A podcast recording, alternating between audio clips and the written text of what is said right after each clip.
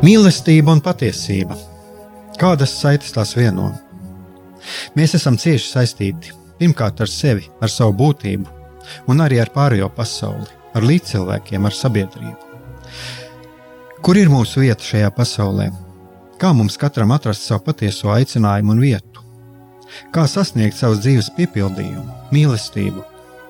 Kādi šķēršļi gan mūsu sirdī un prātā sastopamie, gan ārējie aizķēso mūsu ceļu pie Dieva? Šie jautājumi ir mūsu dzīves sastāvdaļa, svarīgi mūsu ceļā uz svētumu. Meklēsim šajā raidījumā kopā atbildes uz šiem jautājumiem. Ieklausīsimies, ko Dievs mums vēlas pateikt ar visu, ko sastopam savā dzīvē. Lai mūsu sirds un prāti atveras mīlestībai un patiesībai, raidījums mīliet cits citu.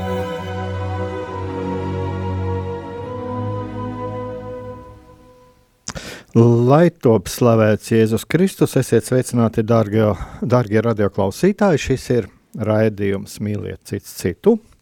Studijā esmu es, Aigars Brikmanis, un es ceru, es ceru ka arī tieši raidē mēs, kad es, es esmu redzams video, tiešām ceru.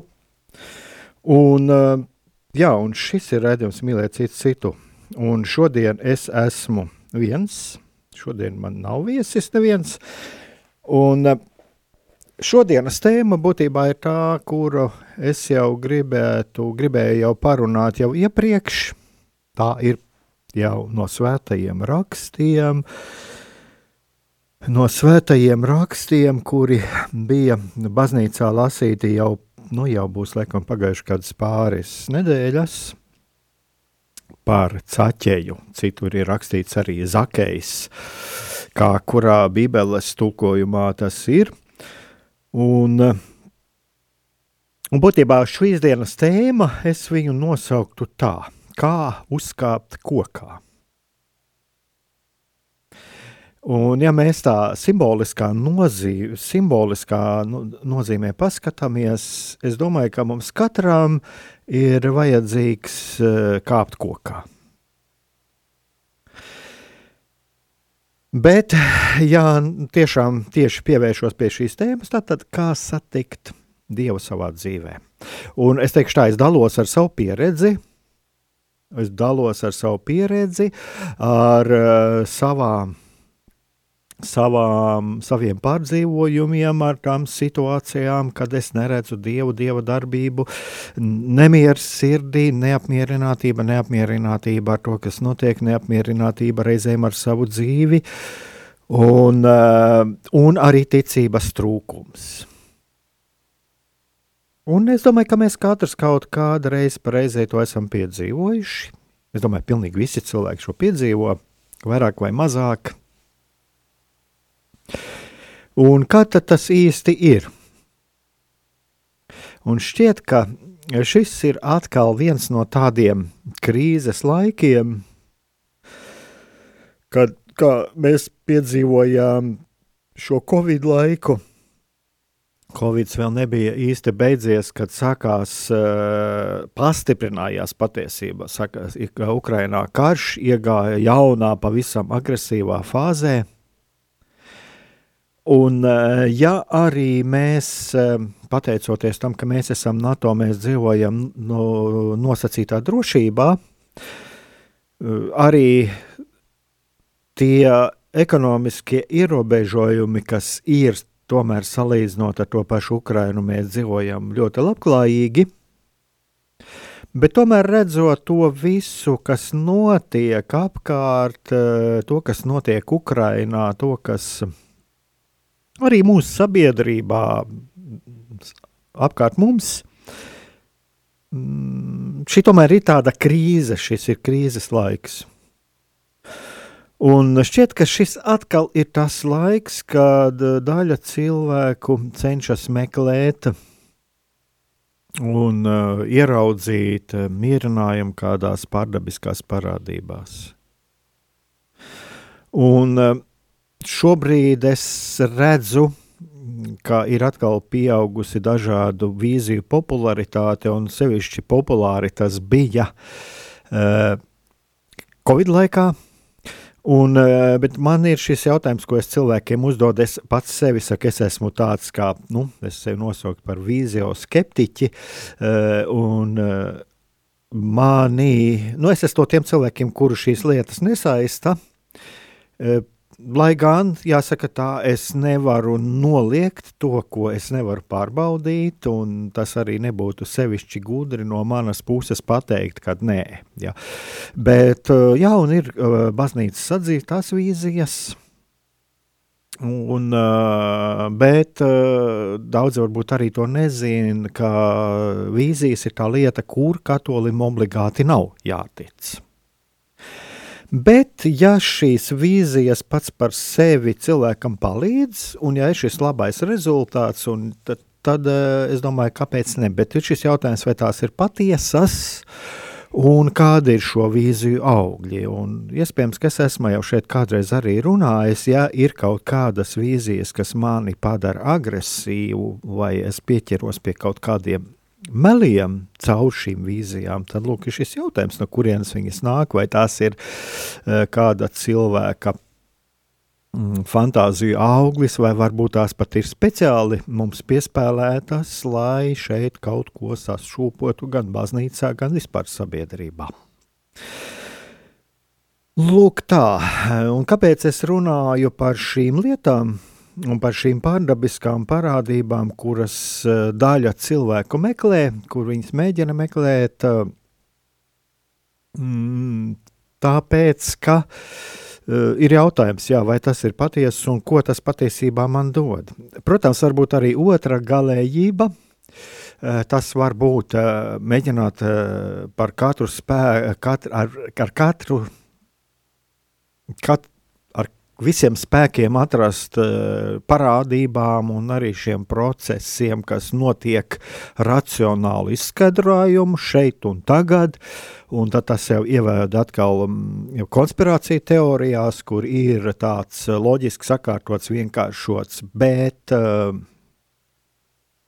ne, vienmēr un pamatā lielāko daļu šis stāsts nav patiess, eh, kur ir varbūt daži patiesības elementi, bet secinājumi ir nepareizi. Un tā tad mums ir jāpieņem, ka pasaulē patiesībā lielākā daļa lietu ir tādas, uz kurām mums īsti atbildes līdz galam nav. Un eh, ka daudzus procesus, kuri notiek pasaulē, pat augsta līmeņa profesionāli speciālisti, viņi nespēja sniegt, sniegt atbildi uh, pilnību, kā, kas varētu visus apmierināt un kura būtu pilnībā visu izskaidrotu. Bet tagad atgriežoties pie tā, ko es runāju par, ko es sāku, sākumā runāt par šo uzkāpšanu kokā, par šo caķeju, tātad satikt Dievu savā dzīvēm, Kā tad īsti ir? Kā tad īsti ir ar visām šīm eh, parādībām, un, un kā tad īsti ir eh, ar to, ko mēs meklējam, un kur tad mēs īsti Dievu varam satikt? Un lielākā daļa patiesībā to Dieva darbības, lielākā daļa Dieva darbības ir sastopama mūsu pašu ikdienas notikumos – un apkārt eh, redzamās eh, esošās lietās. Un, eh, tāpat ir arī šī mūsu iespējām, un viņas ir tepat, tepat viņas ir, tās ir tikai jāierauga. Un, manuprāt, par dieva klātbūtni un par to, ka tiešām mēs izdzīvojam šo dieva klātbūtni, liecina mūsu sirds miers un sirds miers, kur mēs izjūtam, sajūtam dažādās uh, dzīves situācijās, pat grūtībās, un ka mēs piedzīvojam grūtības, uh, traucējumus, zaudējumus un kādas ciešanas. Mūsu sirds miers, šie, šos sirds miera asnus mēs sevī sajūtam. Tātad tas ir tāds miers, kuru mēs izdzīvojam uh, dažādās mūsu dzīves situācijās. Give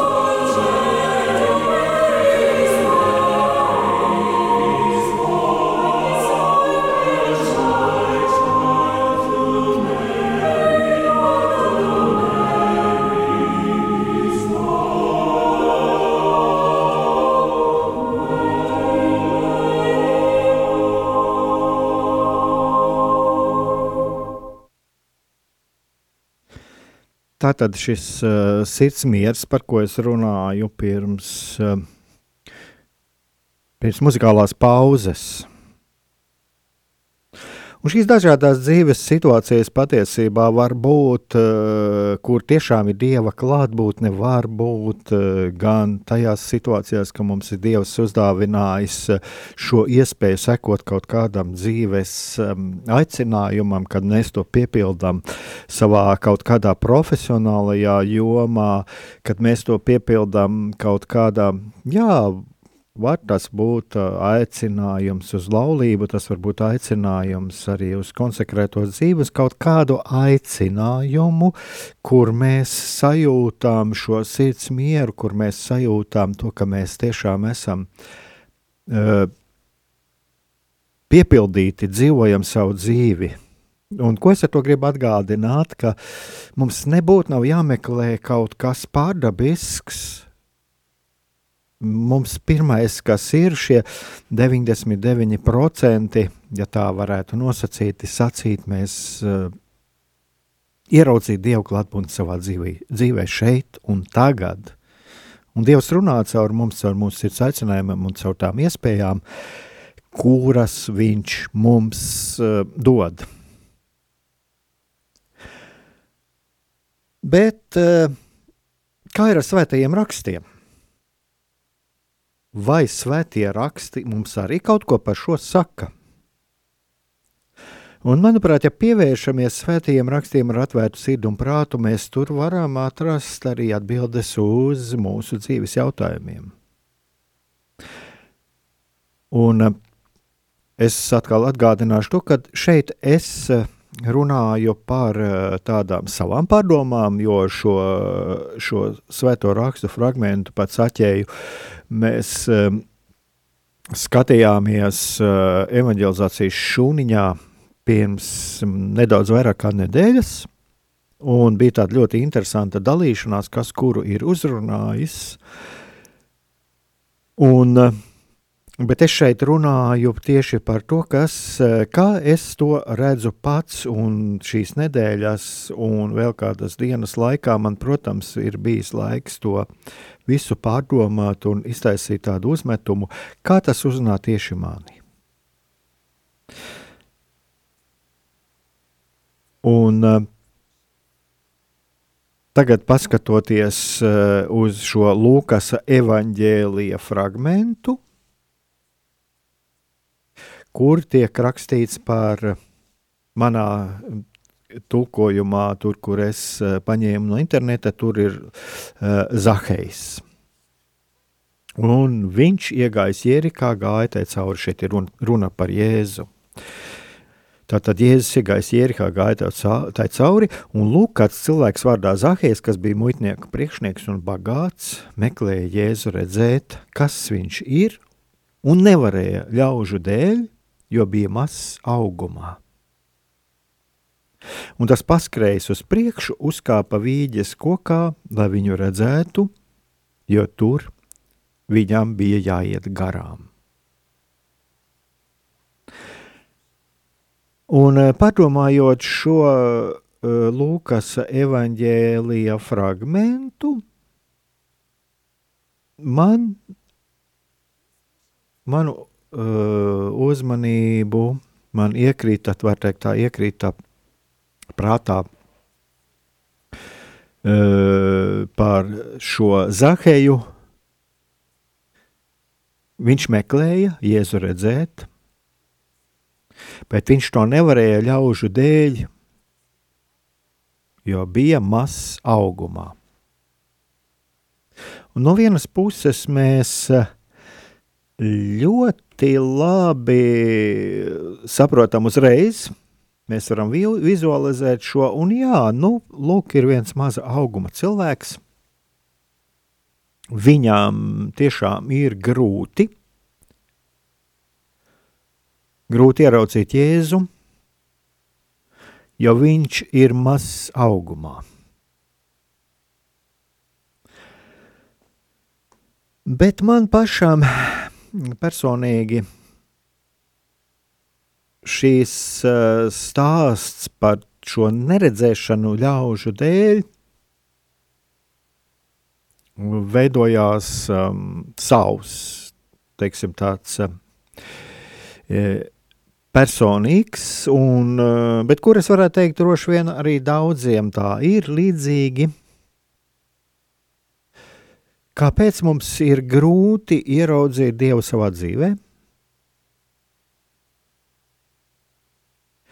Un ne jau tikai tas, kad ir šis uh, mm, fiziskais augums, šīs, jo šeit ir jāsaprot, šeit, uh, kad uh, šie svētie raksti, tāpat kā jebkurš teksts mūs var uzrunāt un katram kaut ko te pateikt individuāli, bet manuprāt, mm, šeit ir runa ne tikai par, kā es to redzu, š, par šo mazo augumu, kura dēļ es neredzu. Bet šeit, manuprāt, ir daudz kas vairāk. Ļaužu dēļ neredzēja. Un, ja jūs atcerieties, mēs kādreiz esam šeit runājuši arī šajos raidījumos un pieminējuši to, ka ir ļoti svarīgi dzīvot pašiem savu dzīvi. Un ko nozīmē šī pašiem savu dzīvi? Šo pašiem savu dzīvi mēs varam dzīvot tādi, ja mums netraucē šis troksnis, kas mums ir apkārt. Kas ir šis troksnis? Tie tie priekšstati, kurus mums uh, gribot, negribot, kuri ietekmē mūsu redzējumu uz to, kas apkārt, un, un ietekmē arī mūsu redzējumu uz mūsu pašiem, ietekmē mūsu redzējumus uz e, pasauli un galu galā ietekmē arī mūsu redzējumu uz Dievu. Un, ja mēs paskatāmies arī savā dzīvē, es domāju, ka mēs atradīsim reizi pa reizē šīs situācijas, kad no distances paskatoties vai paskatoties uz savu pagātni, mēs uh, atcerēsimies tādus gadījumus, kur mēs esam savā dzīvē pieļāvuši kļūdas vai arī neesam kaut ko labu paveikuši. Tieši tāpēc, ka mums arī traucējis kāds troksnis, kāds uh, ļaužu radīts troksnis. Eh, kaut kādi maldīgi priekšstati, ko mēs esam saņēmuši no sabiedrības, sakot no varbūt arī no kaut kāda no, no ģimenes, eh, no skolas, no kolēģiem, no tā trokšņa, ko mums ieliek, ko mūsos, ar ko mūs ietekmē sabiedrība, ar ko mūs ietekmē līdzcilvēki. Jo mēs neesam ieklausījušies paši sevī. Mēs neesam ieklausījušies un mēģinājuši pārbaudīt, kā īsti ir, kas tas ir. Tas mans priekšstats par kaut kādu pasaules procesu vai pašam par sevi.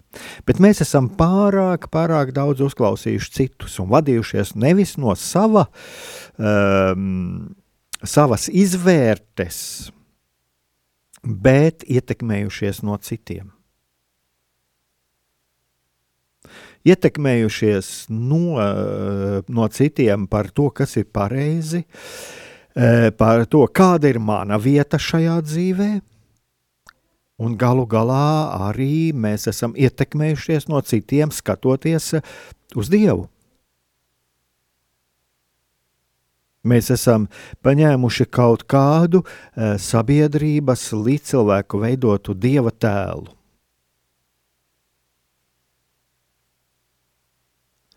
Tātad, lūk, cik ļoti svarīgi, manuprāt, ir mums eh, būt eh, gataviem dzīvot eh, šo savu dzīvi un būt brīviem no šīs ārējās ietekmes.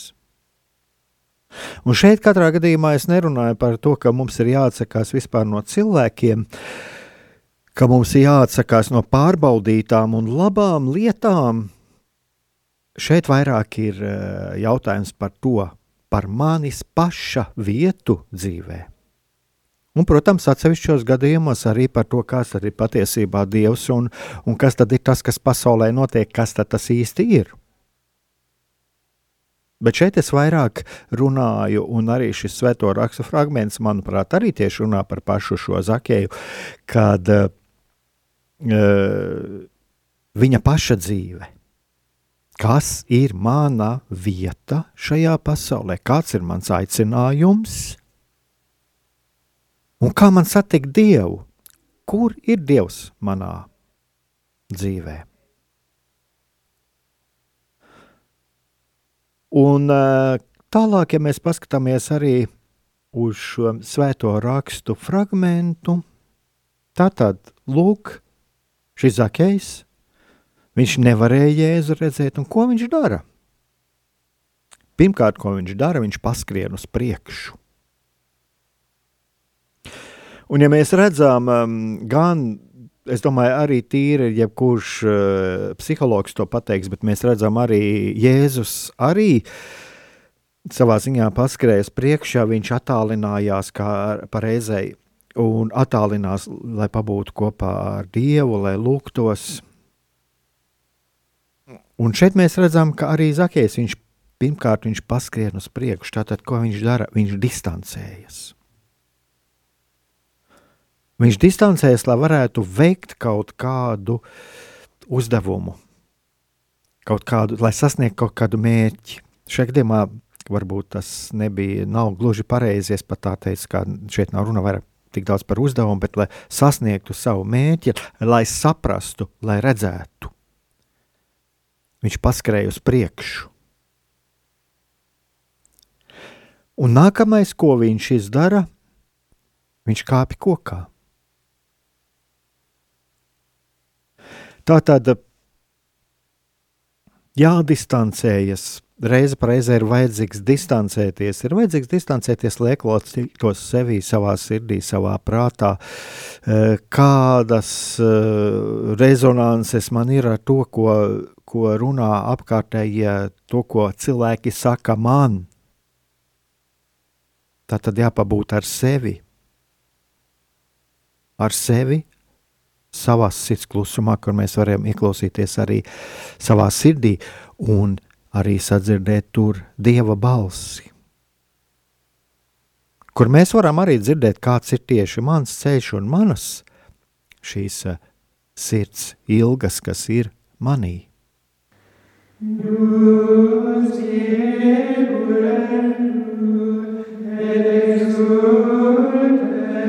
in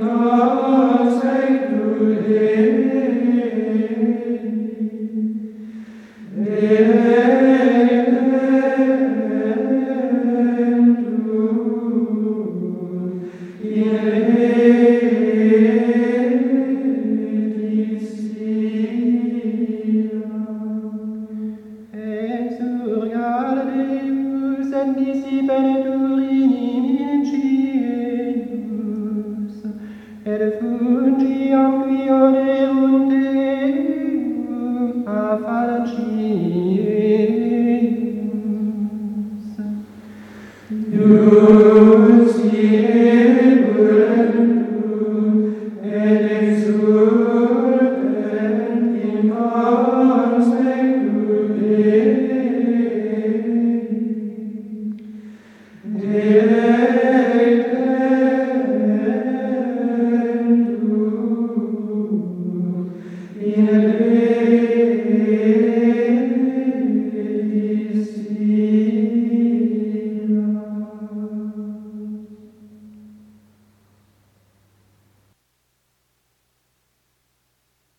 Tātad pabūt šajā sirds klusumā, distancēties, distancēties no, no ļaudīm, lai mm, varētu saklausīt sevi, kas tad ir, ko tad Dievs saka manā sirds klusumā. Protams, eh, man arī šīs pārdomas, eh, domājot par šiem svēto rakstu fragmentu, šī skriešana un viss tas ir tāds laikā, eh, paskriet uz priekšu, paspēt uzkāpt kokā. Protams, ka tas varētu tā šķist, ir tā ļoti steidzami, jo tas ļaužu pūlis iet uz priekšu. Bet šeit es neredzu to tik daudz, tik burtiski kā to, kas uzrunā tieši mani. Tātad paskriet uz priekšu un uzkāpt šajā vīģes kokā, lai viņu redzētu. Un kas te ir viena būtiska lieta, ko es šeit redzu, kas mani tieši, kas tieši man uzrunā? Tā ir iniciatīva. Tā ir iniciatīva, ko es izrādu, lai es sasniegtu to mērķi. Lai es redzētu to jēzu, ko es gribu ieraudzīt. Es skrienu.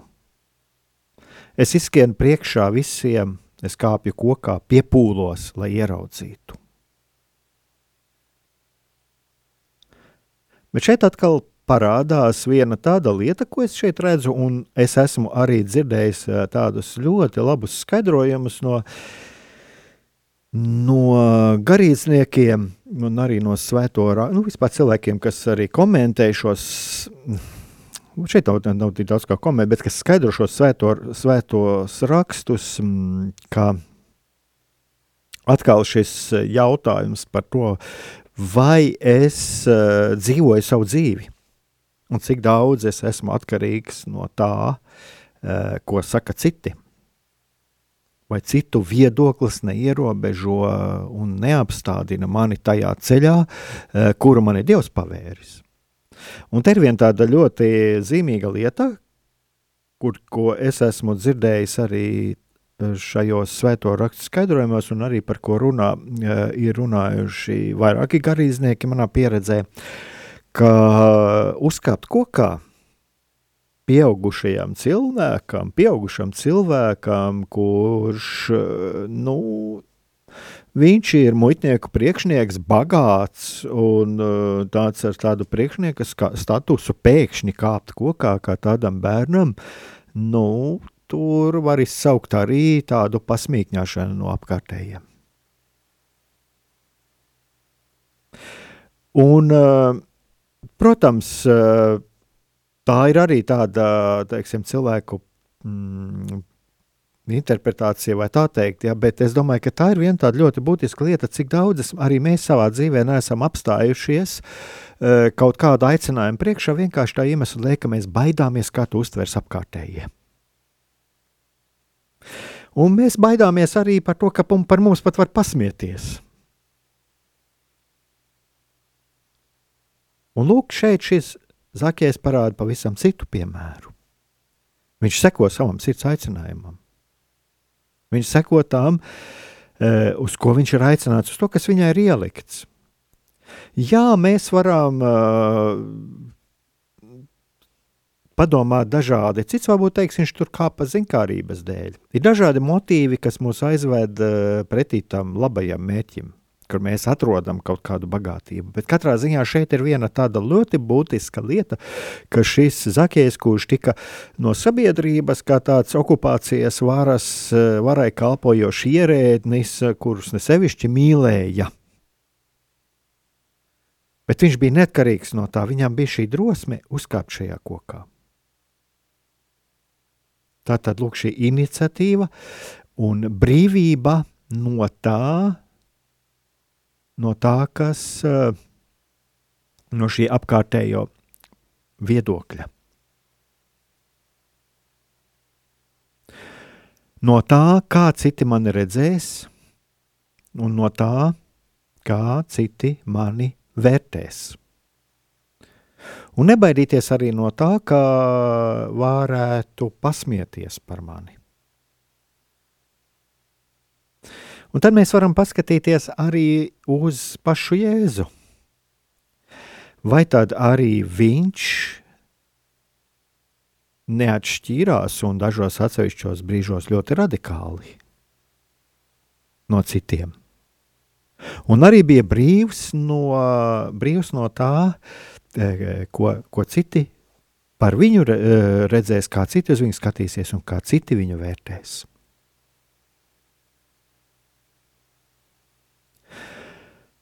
Un vēl viena lieta, kas man šeit nāk prātā, arī par šo svēto rakstu fragmentu, ir tas, ka e, apzināties arī šo savu situāciju un būt neatkarīgam no, būt brīvam no šīs savas situācijas, kurā es atrodos. Un, ja mēs paskatāmies arī uz šo mm, Zakēju, kurš bija šis muitnieka priekšnieks un bagātais, viņš apzinājās savu situāciju.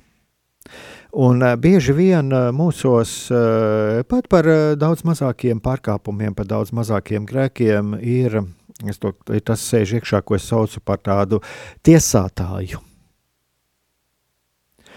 Un mums bieži vien eh, mūs apstādina kaut kādu aicinājumu priekšā, apstādina šī apziņa par to, ka es esmu kaut ko sagrēkojis.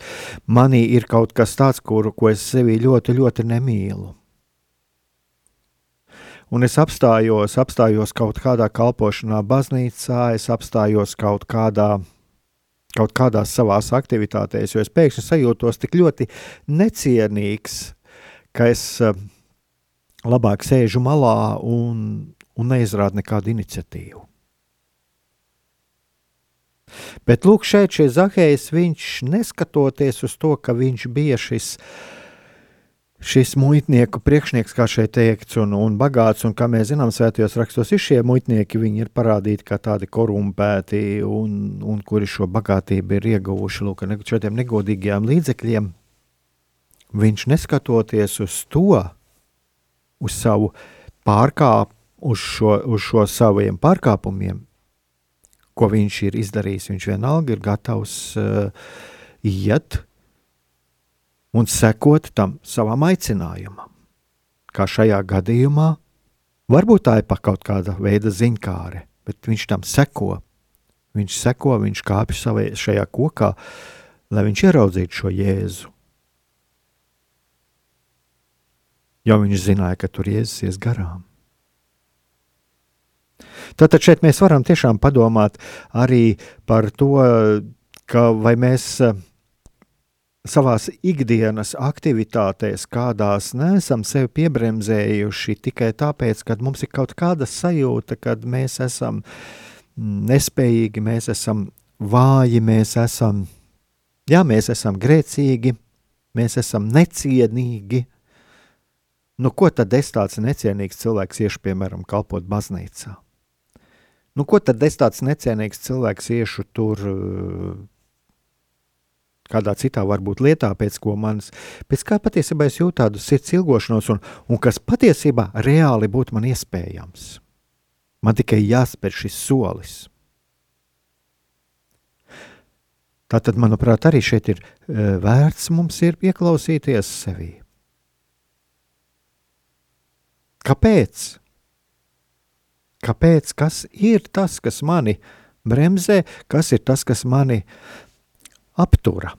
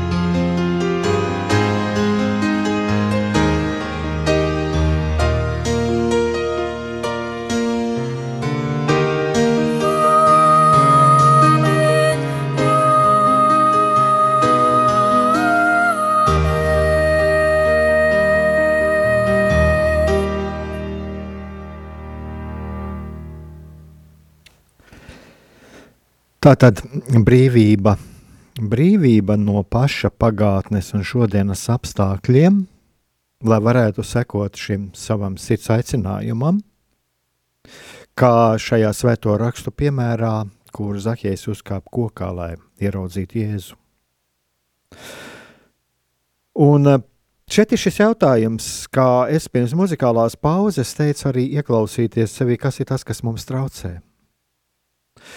Un uh, tomēr ir jāatzīst, ka daudziem no mums nav citas iespējas, kā sekot, šo, uh, sekot šim savam sirds aicinājumam, lai mēs varētu sekot, kā apzināties to, ka mēs esam mīlēti, ka mēs esam mīlestības cienīgi, neskatoties uz to, kāda ir mūsu pagātnes pieredze un kāda ir uh, mūsu šodienas situācija. Tas ir vienīgais īstais ceļš cilvēkam, kuram ir šī dzīvā sirdsapziņa, kurā nav pazudusi kaut kādās egoistiskās tieksmēs un vēlamies tikai pēc paša labuma personīgā. Un, jā, tāda ir realitāte, ka mēs šo mīlestību eh, neesam saņēmuši kādreiz bērnībā, Eh, cik mums viņas pienāktos, lai mēs justos mīlēti. Mēs esam piedzīvojuši dažādas netaisnības, daudz no mums ir piedzīvojuši dažādas vardarbības. Un tad ir ļoti grūti, ļoti grūti noticēt šai mīlestībai, ka ir kaut kas, kas mūs mīl. Bet šis ceļš pie tās apziņas, ka mēs esam šie mīlētie, ka mums ir, mums, mēs esam piedzimuši lai tiktu mīlēti, un mēs tikam mīlēti no Dieva, tas ir tas, kas mums uh, var iedot šo spēku. Jo pretējā gadījumā mūs nomāc, nomāc šī vainas apziņa, nomāc, uh, paz, var pazust arī apziņa par to, par savas dzīves jēgu, par kaut kādu, var pazust ticība mūsu sirds aicinājumam un un mēs tiekam nobremzēti. Tas iekšā, kas mūsos, eh, šis, ko es saucu arī šis iekšējais konspirologs, šis ienaidnieks, kas mūs mēģina turēt uh, savā būrī, mums ļau, neļauj sekot tam sirds aicinājumam, kas mūsos ir. Un kā jau es teicu, mums katram ir kaut kāda vaina. Mēs katrs esam izdarījuši kaut kādus pārkāpumus. Mūsos tas ir. Bet ticēt, ka mēs neskatoties uz savu pieredzi pagātnē, neskatoties uz savu situāciju šodien, mēs Dieva acīs esam cienīti, cienīgi un, un mēs esam mīlēti. Un tad caur šo apziņu soli pa solim tuvoties tam, lai mēs iemīlētu paši sevi.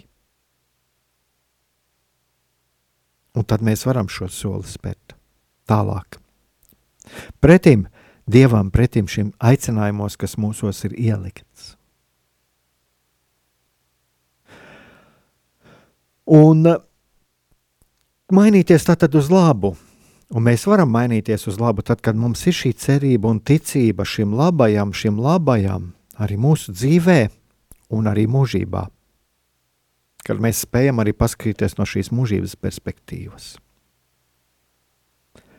Apzināties savus pārkāpumus, nožēlot tos no sirds, tiešām nožēlot un ticēt, ticēt, ka mēs esam mīlēti. Un, manuprāt, tas ir tas, kas iedeva arī šim Zakējam šo spēju, šo spēju rīkoties tālāk.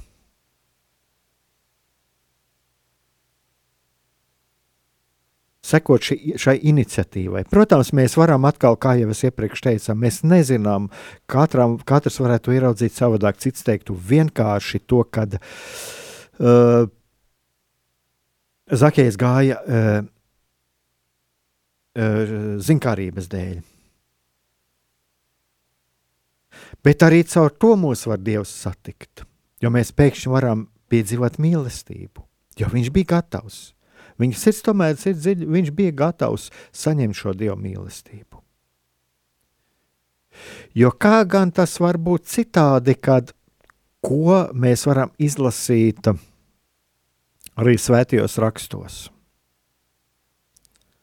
Jo kā ir rakstīts svētajos rakstos, Un, kad Jēzus atnāca tajā vietā, viņš uz augšas paskatījies, ieraudzīja to un sacīja viņam: Zakei, kāps teikšu zemē, jo šodien man ir jāpaliek tavā namā.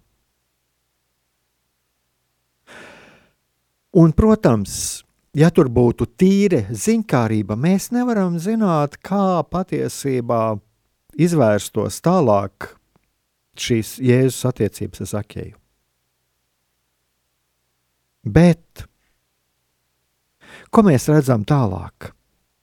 Mēs redzam, lūk, atkal šeit fragments no svētiem rakstiem. Bet Zakējs piecēlies, sacīja kungam: Lūk, kungs, pusi no savas mantas es atdodu nabagiem, un es atdošu četrkārtīgi, ja es kādam to būtu nokrapis.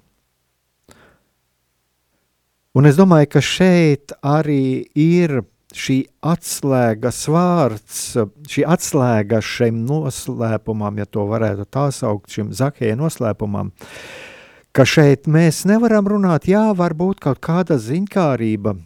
Mm, šķiet, es esmu saticis cilvēkus arī šodien, mūsu laikos, kuri ļoti, ļoti vēlās satikt kaut kādas slavenības, kinozvaigznes, un varbūt viņš skatījās uz Jēzu tādu, kā tādu, kas kaut kādā brīdī iegūs popularitāti.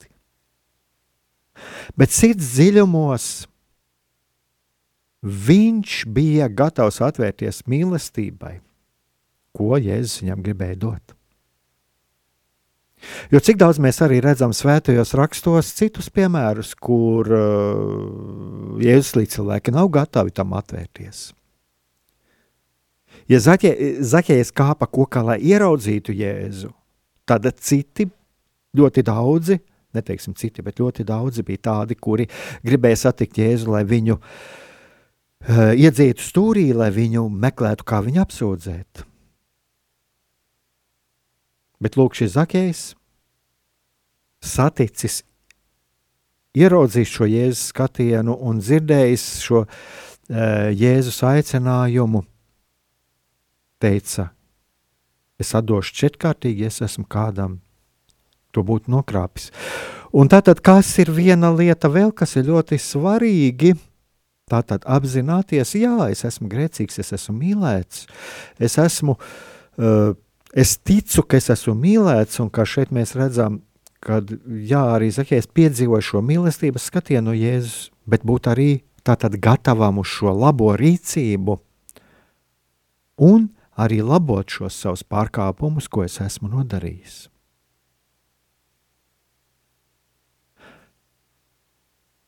Un tad arī nāk šis Jēzus atbilde.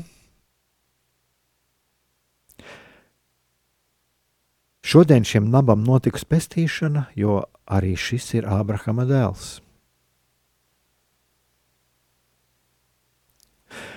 Un, manuprāt, mums ir arī ļoti svarīgi apzināties to, ka Dievs mūsos ir ielicis šīs ilgas, mūsu katros, katrā ir ielicis šīs ilgas satikt viņu. Un eh, jo vairāk mūsu sirdis ir atvērtas tam, jo, jo lielāka iespēja, jo vairāk mēs tojamies arī šai Mm, iespējai, ka mēs tiešām Dievu satiksim savā dzīvē, un mēs viņu redzēsim, mēs viņu ieraudzīsim, mūsos būs šis sirds miers, būs mūsos šis prieks ieraudzīt Dievu gan šajā skaistajā, kas mums ir apkārt, ieraudzīt Dievu līdzcilvēkos un, un piedzīvot to prieku un ieraudzīt šie Dieva mīlestības vēstu, vēstules mūsu dzīves soļos, visur apkārt. Un kas tad ir šīs Dieva mīlestības vēstules? Tas ir tas, ko Dievs mums ir iedevis, tās iespējas, ko Viņš mums ir devis. Un mēs ieraudzīsim savā dzīvē gan šos ceļus, kur mums, kur mums, kas mums ir ejami, mēs ieraudzīsim savā dzīvē mūsu iespējas, un mēs ieraudzīsim pēkšņi daudz, daudz, par ko arī piedzīvot prieku un sirds mieru. Un Dievs pie mums jau neielaužas. Viņš pie mums ienāk tad, kad esam tam atvērti un kad ejam viņu satikt, bet viņš klusi, klusi sklauvē pie mūsu sirds durvīm. Ir ļoti labi, un lai mums tiešām izdodas šos dieva klauvējienus, šos jēza klauvējienus pie mūsu sirds durvīm sadzirdēt. Un tad mēs piedzīvosim arī šo sirds mieru un piedzīvosim prieku, lai mums izdodas.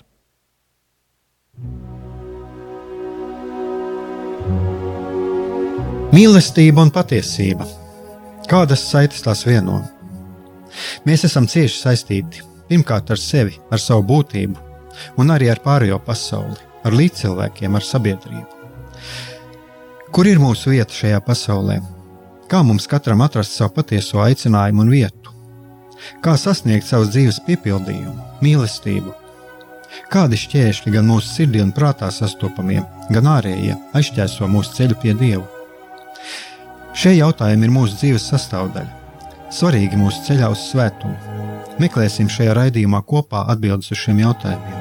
Ieklausīsimies, ko Dievs mums vēlas pateikt ar visu, ko sastopam savā dzīvēm lai mūsu sirds un prāti atveras mīlestībai un patiesībai. Raidījums mīliet citu citu.